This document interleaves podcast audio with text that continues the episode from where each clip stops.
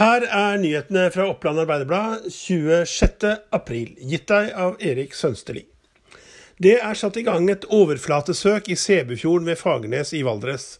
To helikoptre er sendt i området, både politi og ambulanse. Operasjonsleder Per Solberg ved Innlandet politidistrikt opplyser at ingen personer er meldt savnet, men et vitne skal ha sett noe eller noen gå gjennom isen. OA.no oppdaterer saken fortløpende.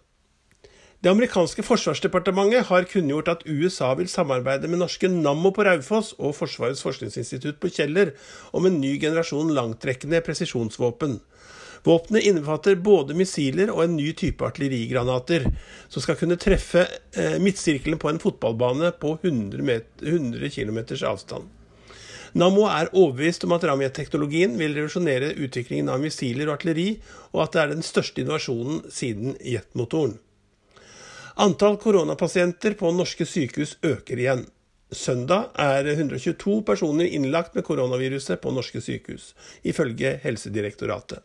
Det er første gang siden mandag denne uken at antall, antallet koronapasienter på sykehuset øker. Det store flertallet av pasienter er fortsatt innlagt på sykehusene i Helse Sør-Øst, som har 87 personer inne til behandling. Søndag er 31 pasienter tilkoblet respirator, noe som er to færre enn på lørdag. To år og fem måneder i fengsel. Det ble straffen for en kvinne i 40-årene som lurte seg til flere millioner kroner i sin samboers navn på Hadeland. I en periode på nesten fem år svindlet kvinnen både det som nå, øh, nå er ekssamboeren på Hadeland, et lokalt foretak og ikke minst en rekke banker og andre kredittinstitusjoner for nesten fire millioner kroner. Du kan, øh, du kan, lese mer om øh, saken på, i avisen Hadeland eller på oa.no. Landbruksorganisasjonene varsler nå at de vil starte forenklede jordbruksforhandlinger med staten om en avtale for 2021. Det vil ikke bli fremsatt krav og tilbud. Vi går i forhandlinger nå fordi bøndene trenger avklarte rammer for matproduksjon, sier jordbrukets forhandlingsleder Lars Petter Bartnes søndag. Årsaken til dette er selvsagt den pågående koronakrisen. Mange gleder seg til at småskolen åpner igjen fra mandag 27. april.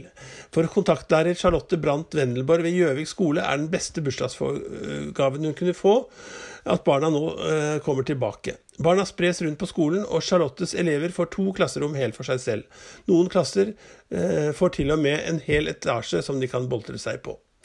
Dette var dagens nyhetssending fra Oppland Arbeiderblad. Du kan finne flere nyheter på oa.no, eller laste ned noen av våre podkaster om nyheter, kultur og sport på Spotify eller andre eh, steder hvor du laster ned dine eh, podkaster. På gjensyn i morgen.